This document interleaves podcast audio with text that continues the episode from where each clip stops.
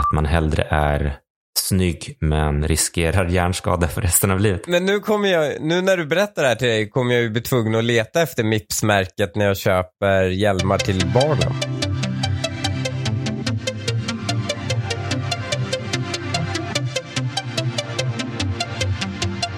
Idag så tänkte jag prata två saker. Lite Erik Thedéen som är ny riksbankschef och eh, det kommer leda in oss på någonting som heter enpetare. Som, har du någonsin hört talas om det? Nej, Begreppet. alltså ert eh, lingo ni har är helt sjukt. Och eh, sen tänkte jag gå in på den stora finans-Twitter-snackisen som är ett bolag som heter Mips. Och eh, vi kanske kan lajva fundamentala investerare och eh, det ska bli intressant att se om du skulle tycka att det var ett köp eller sälj. Okej. Men innan det så såg jag att eh, den här podden heter ju Snacka Cash och eh, en stor cash-utgift är att köpa bil. Jag såg på Twitter att du var i att köpa biltankar. Ja, och att jag eh, måste du, göra du, det. du var inne på något väldigt dyrt spår där såg jag. Ja, eller jag är ju tvungen att köpa någon form av eh, stor bil. För att eh, vi har en Volkswagen Tiguan nu och eh, man sätter inte tre barn i, där bak liksom bekvämt om alla ska ha kuddar och allt. Och eh, jag vill samtidigt ha en SUV, eller frugan vill ha en SUV. Och eh, det finns inte så mycket alternativ om folk ska ha full säte. Det måste ju vara fulla säten. Liksom. Och de, folk, eh, så jag bad om tips och folk kom med så dåliga jävla tips. Då är det så här, ta den här, den är sjusitsig. Ja, alltså sjusitsig betyder ju bara att du inte har en baklucka. Alltså, när, när skulle jag fylla en bil och inte vilja ha en baklucka? Så det enda alternativet som jag ser finns är ju att bara släppa all sin standard och köpa en van. Mm. Alltså någon form av Volkswagen Charan eller ja, men V-klass eller något sånt. Eh, eller, eller bara köpa amerikansk SUV. Ja, vilken tänker du på då? Alltså jag tänker typ Escalade. Escalade eh, alla de där, eh, vad de nu heter. Nej, men, eh, men ett, eh, ett, proble- ett problem med alla de där det är ju att eh, du, du tappar ju värde efter du har köpt den. Ja, alltså du, Du, har- du, har inte koll, inte. du har inte kollat på en sån där Lam- Lamborghini Urus Performance. de tappar ju inte värde på, Exakt, eller? den är billigare än en Kia för du kan sälja den för lika mycket du har köpt den för. Man måste ha cashen att lägga bara. Det är det som är problemet. Nej, men Det, det, det, Och så cashen och underhålla den. ja, precis. Men jag tror underhåll tror jag, för sig kan, kan nog vara dyrare än en, än en Kia. jag tror, eh, jag ha- hade en polare som hade en Lambo. Han eh, la in den på så här, alltså det var en sån här 500 mil service eller vad det var. Eh, och eh, det kostade honom typ 40 lök. Bara på ett oljebyte liksom. Okej. Ja, du vet, Mm. jag, eh, jag bytte ju säkerhetsbälten i, i Porschen. Det kostade 60 000. ja, och det, och det, det, var inte ens, det, var inte, det var inte ens Gucci-bälten, det var vanliga säkerhetsbälten. men om du vill höra en dålig affär, Mm. och då är det inte att vi blankade Tesla, utan Okej. jag, jag eh, krockade ju bilen eh, exakt ett år sedan nästan. Eh, min Golf jag hade. Mhm. Och eh, då köpte försäkringsbolaget ut mig. Eh, och det var en jävligt bra deal, för jag fick typ lika mycket pengar som jag hade köpt den för, för fyra år tidigare. Det var en jävligt bra deal. Mm. Men problemet är, eh, jag köpte ju då den här Tiguanen för då 300 000. Eh, och de vill max ge 200 för den nu. Okej. Det är 100 000 i förlust på ett år. Det är jobbigt. Ja, men på, på, på de där bilarna så, så är det ju så. Men det, Mm. det är ju det är någonting sjukt och uh, orättvist i det att när du kommer över en viss eh, summa på, Mm. på bilar så, eh, så kostar det dig ingenting för att du kan sälja bilen för lika mycket du har köpt den. ja. så liksom när du kommer över en viss nivå, du kan, du, kan köra, du kan köra en ny sportbil hela tiden och det kostar dig ingenting. Erik Thedéen är ny riksbankschef. Mm. Och eh, jag lyssnade på God ton som är din podd. Och Mm.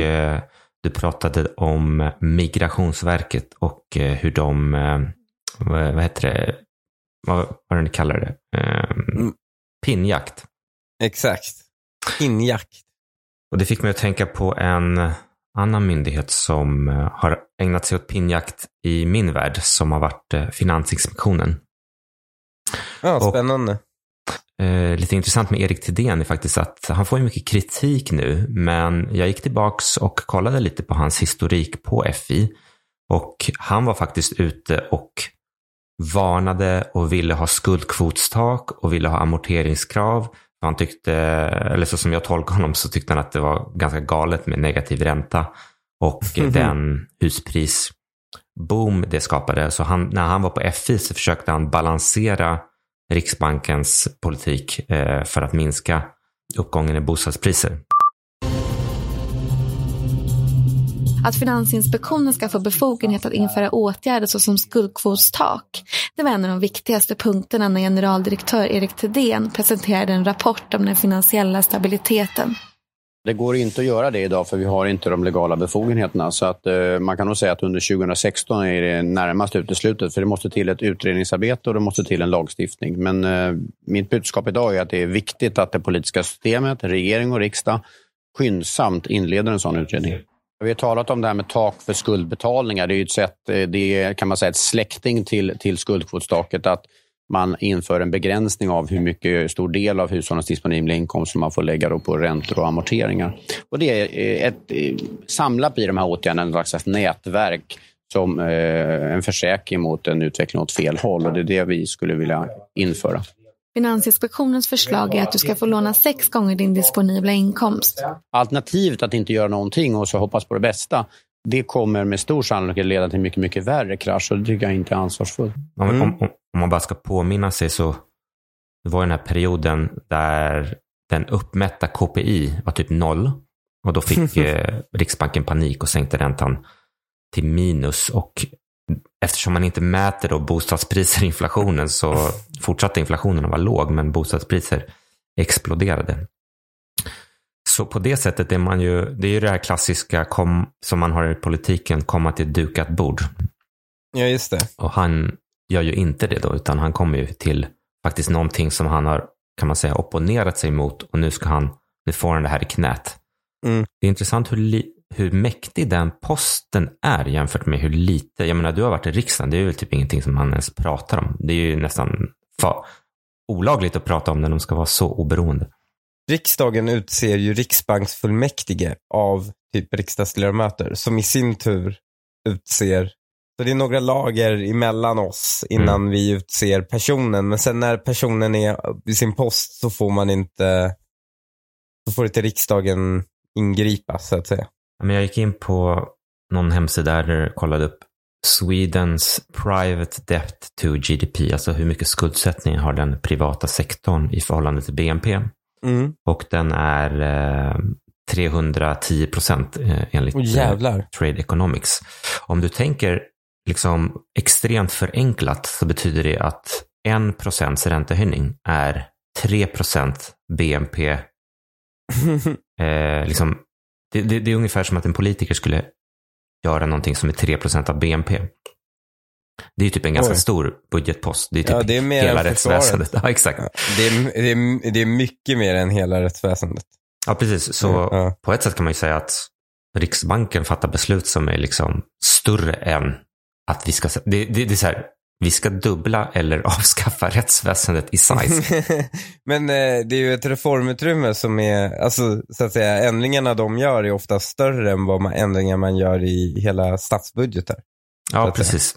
Samma tema så kollade jag på, för, för, för jag har sett folk skriva om men vad händer om räntan går till 6 eller 7 procent. Then we're fucked. Jag, jag, jag kollade bara för skojs skull, när var räntan senast 7 procent? Och det var början av 90-talet, jag tror det var typ eh, 96 eller sådär. Men Mm. då var, då var hushållens skuldsättning i förhållande till BNP var, alltså var bara 50 procent jämfört med 100 procent. Alltså eh, om vi bara, bara tittar på hushållen. Åh jävlar.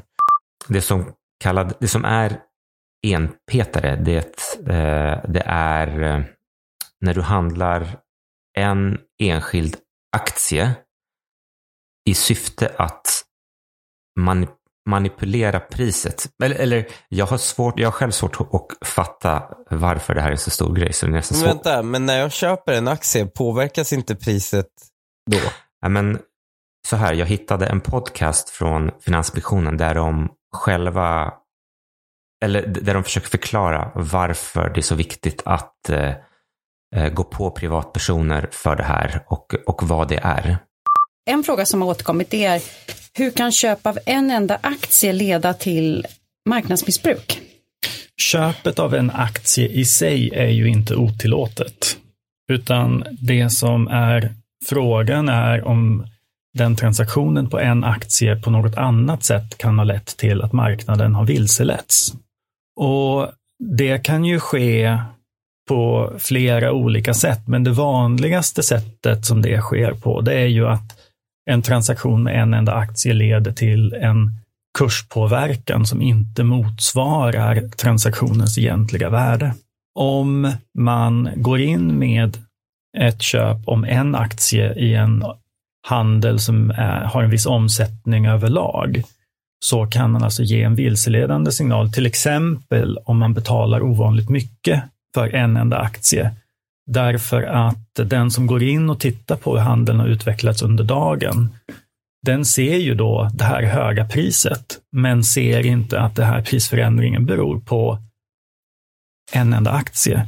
Så att vidta åtgärder mot det här, det handlar eh, mycket om att skapa och åter eh, stärka förtroendet för handelsplatserna antar jag då, att det ska finnas ett gott förtroende och att när man handlar med aktier så är det rätt signaler. Ja, alltså eh, ett stort, ett, för- att man har förtroende för kapitalmarknaden är ju ett fundamenta i vår moderna ekonomi. Vänta, va? Så om jag går in i en butik och bara, jag vill betala 500 spänn för den här kexchokladen. Och sen så kommer nästa kund och bara, aha, betalade han 500? Ska jag också betala? Är den värd 500? Är det inte upp till butiken då att visa det? Eller? Ja, alltså det som är snurrigt med det hela, det är ju också att du, du ser ju att det bara var en aktie som handlades. Ja. så, så att det är väl upp till dig om du vill, liksom, hur du vill tolka det. Jag menar, Mm. och jag, tänk, alltså jag tänker väl de menar då att någon loggar in och så ser de, oj, den här aktien är upp 5% men det var Mm. egentligen bara en aktie som gjorde att den gick upp 5 men, men då ska de då, om, om de är då momentumhandlare, för, för att en fundamental person skulle vara helt opåverkad, men den här lilla subkategorin av momentumhandlare som då bara, ah, men nu är den här aktien på väg upp och, Mm. och jag ska inte ens kolla vad det är för volym. De, de har någon special, de ska skyddas då. Och att just Hur här, svårt är det att, om man är då, hur svårt är det att bara koda? Jag bara tänker, bara, kolla de tio senaste aktierna. Förstår du? Alltså bara köra ett genomsnittspris på dem. det är otroligt märkligt. Och sen också så här, ska du ha en marknad där folk kan köpa och sälja eller inte? För det blir också så här, varför sätter du gräns? För någon som har, någon som har 100 miljoner, Mm. för honom kanske en, inom citationstecken, enpetare är en miljon. Så det är okej att göra det om du kan göra det med en miljon.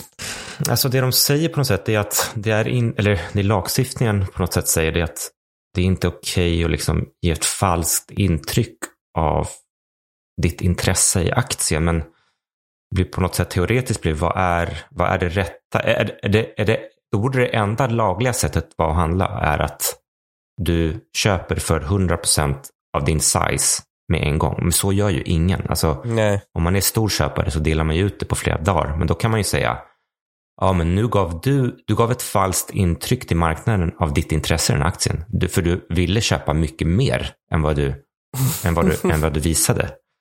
Så att det, det, det är ganska snurrigt. Och det, det som var intressant då, det var att Finansinspektionen stod verkligen ut på EU-nivå eh, kring att jaga de här enpetarna.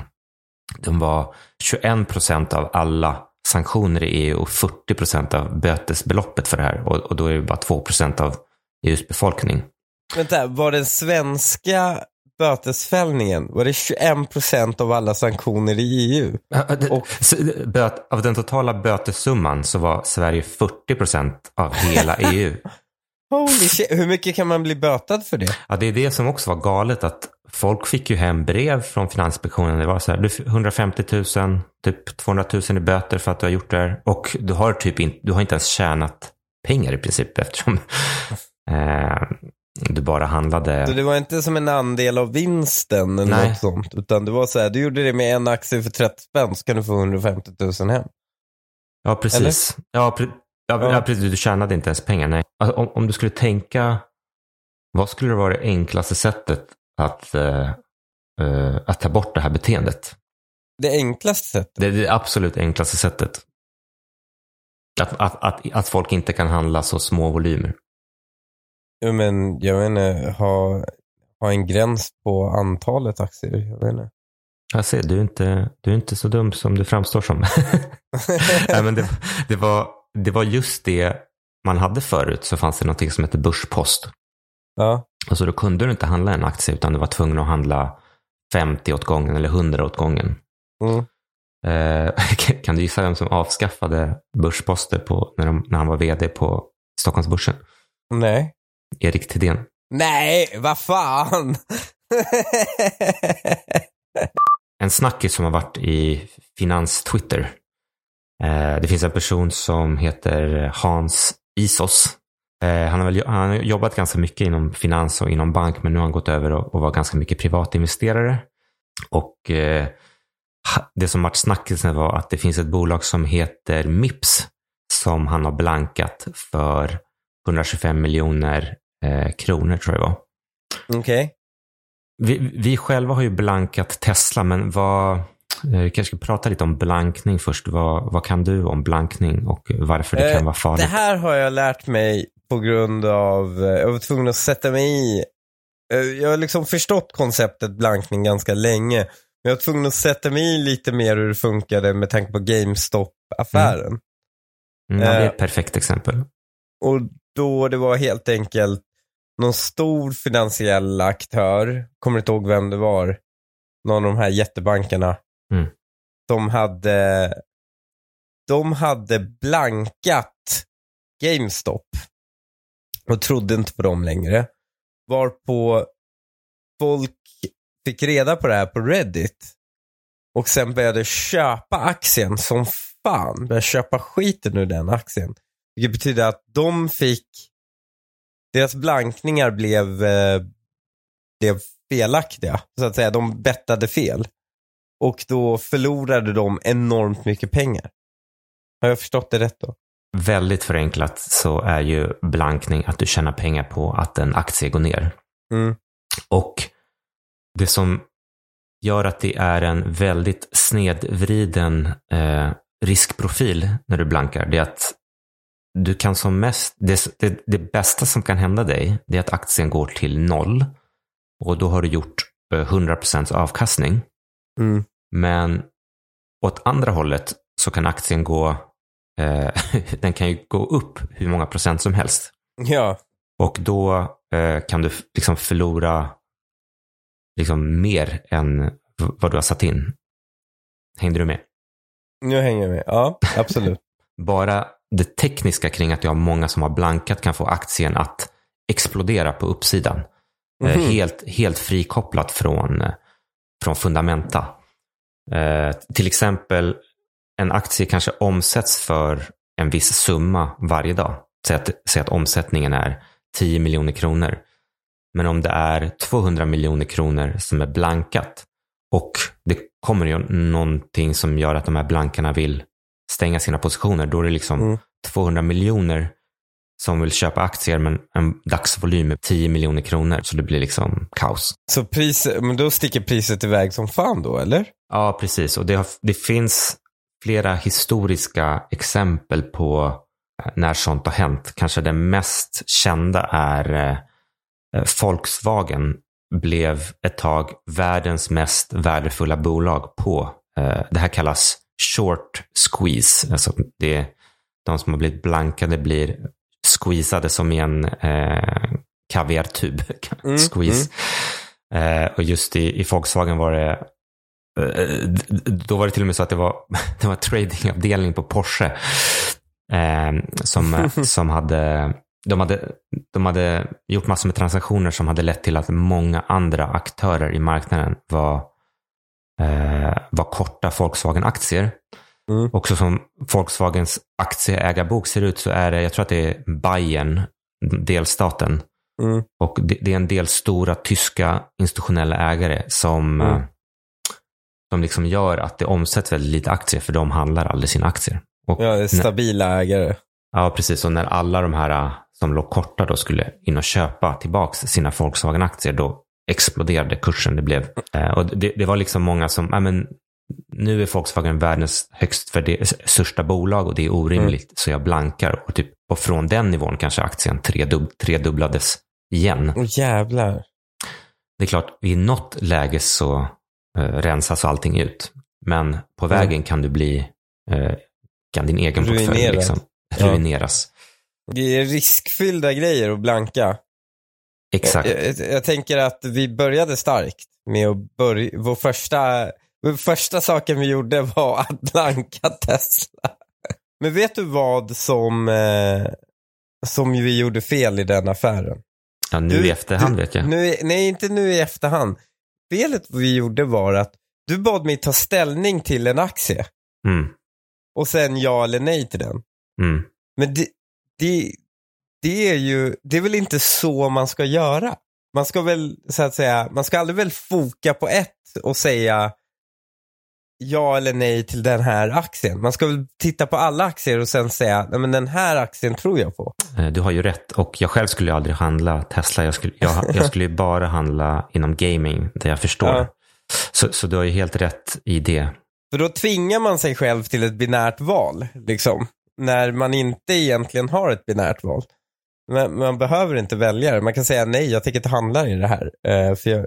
Men, det, det, eh, apropå rolig grej, jag, var, jag har gjort min liveshow med eh, God ton. Ja, Så då var vi i Lund och efter, så var det lite efterfest efteråt på Grand Hotel i Lund. Och då var det, eh, så var det ett gäng grabbar som brukade lyssna på min podd och har eh, gjort det sedan den typ startade. Men ganska unga, pluggade ekonomi i, i Lund. Eh, och sen så berättade jag att, om den här podden, att jag startade en ny ekonomipodd eh, med dig. Mhm. Och då eh, började vi prata om, så, så skämtsamt sa jag ju så här, nej men, ja, men vi blankade Tesla, det gick åt Mm. helvete. Typ. Var på någon typ ehm, hör i bakgrunden satt någon, någon kille och drack öl och hör bara ordet Tesla och bara springer in i diskussionen och bara Har du, bara så här, varför tror du inte på Tesla? Och jag bara, nej men alltså jag, jag kan inte såna här, liksom, så bara, men varför ska jag lyssna på dig om du inte kan det här? Så bara, ja, det, det, det är andra som kan det här. Det, det, podden funkar liksom i dynamiken att jag inte kan så himla mycket. och då, och han var, bara, han bara, men har du hakat på bitcoin då? Varför ska jag lyssna på dig? Jag hakade på bitcoin från början, du vet såhär, bara aggressiv.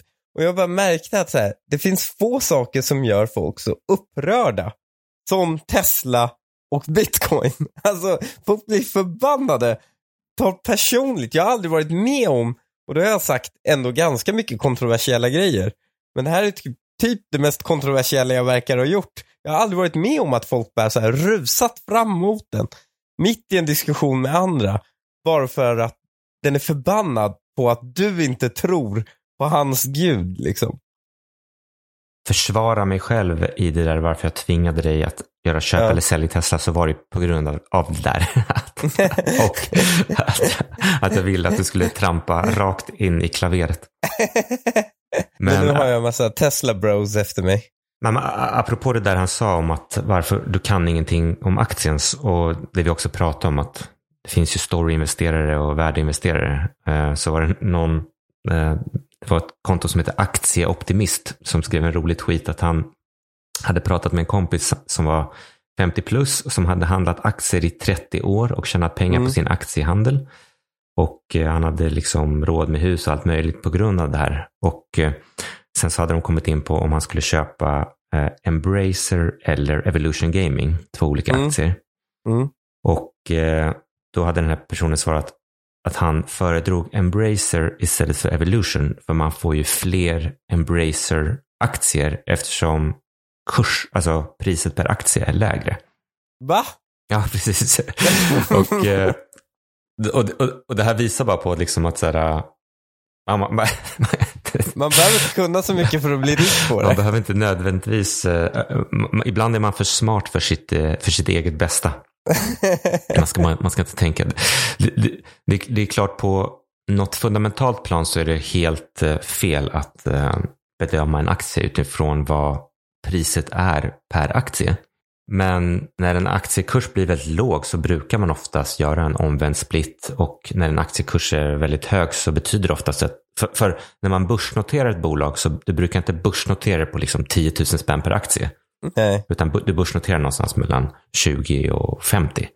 Mm. Så det kan ju finnas någon logik i det där att han liksom automatiskt då har köpt bolag eller undvikit bolag som har varit övervärderade och gått mycket och hamnat i bolag som Mm. har gått lite men på något sätt omedvetet.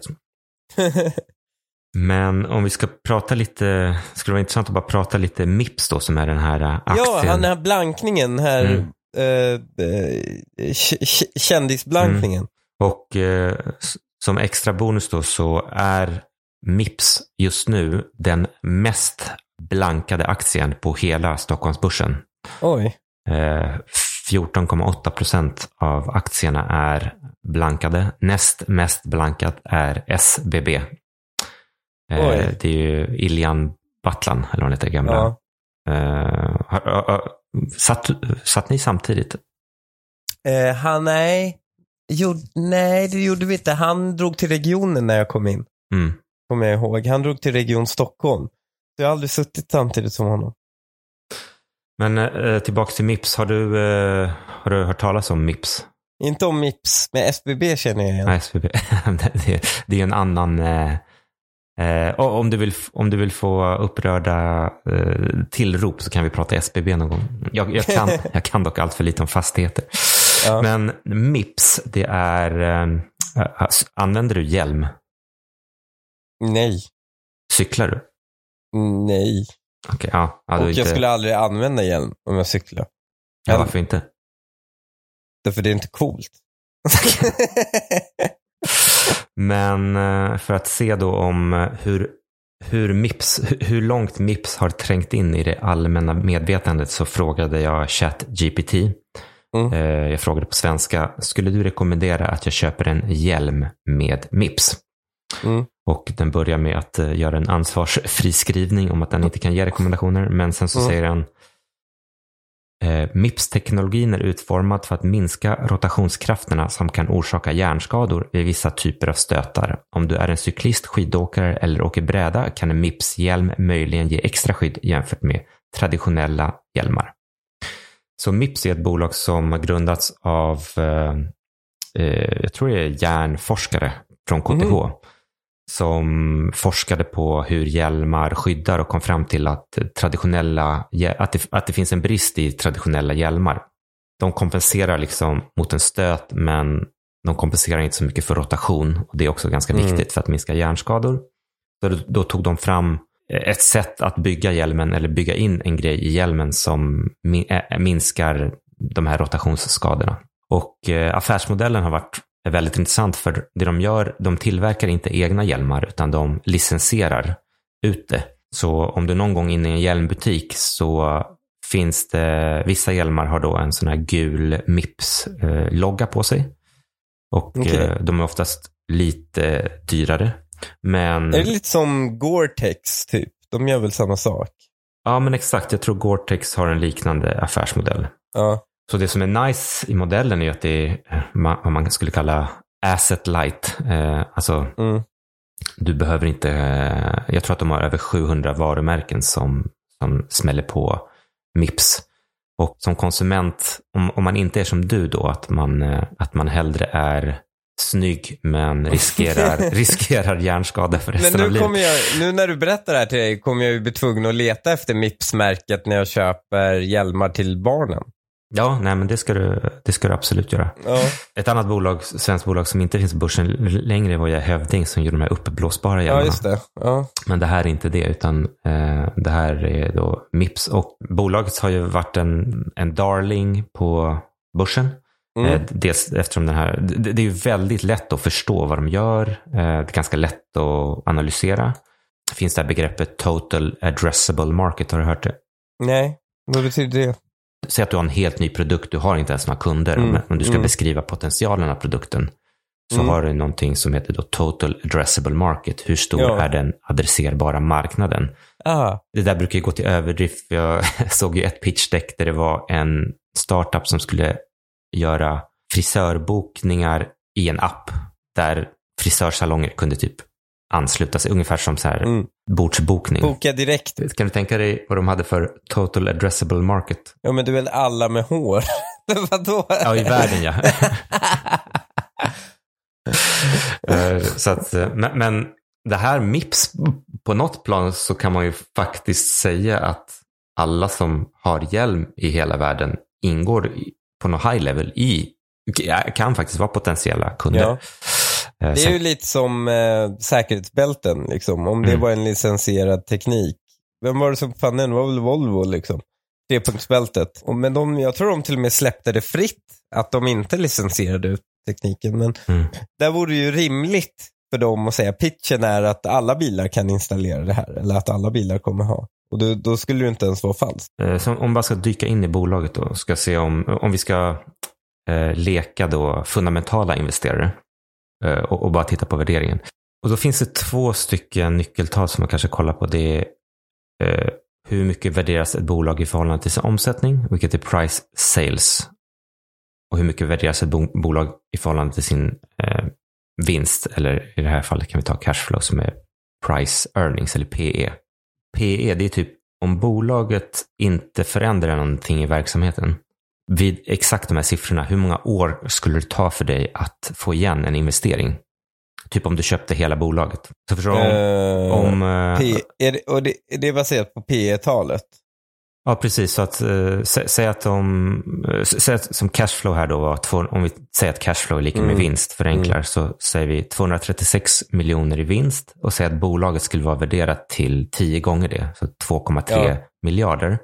Mm. Då, om du då, säg att du hypotetiskt det köpte 10 hela år, bolaget. eller? Ja, efter 10 år så Ja. skulle du, och sen så skulle du, ja, och sen skulle du ha avkastning. Ja. Och, eh, och price sales, då var det någon vd som förklarade som att det, det, det är att säga att price sales är 10. Det, då är det som att om du hade 100% vinst, Mm. hur många år skulle det ta, då ta eh, att få igen det? Men det har man ju inte. Nej. Och anledningen att eh, Hans Isos har velat blanka, eller anledningen att det här är det mest blankade bolaget på Stockholmsbörsen, Mm. det är ju att eh, de här variablerna är extremt höga. Så Mips börsvärde idag är 12,6 miljarder. Så, så to- bolaget värderas till 12,6 miljarder och de gjorde 236 miljoner vinst. Så det betyder att de värderas till 53 gånger eh, free cashflow. Mm. Så om du köpte hela bolaget och de gjorde den här vinsten så skulle det ta 53 år innan du var break-even. Och då kan man ju säga, det låter ju, det är ju, det är ju högt, på, även om du jämför med andra bolag. Ja. Och då kan man ju fundera på varför, varför finns det folk som tror det här? Jag har aldrig förstått det där helt enkelt. För vissa blir ju bara kändisaktier. Mm. Och det är väl orsaken till varför de sticker iväg så mycket. För att det var som när du och jag satt och pratade om just Tesla mot Volkswagen och så vidare.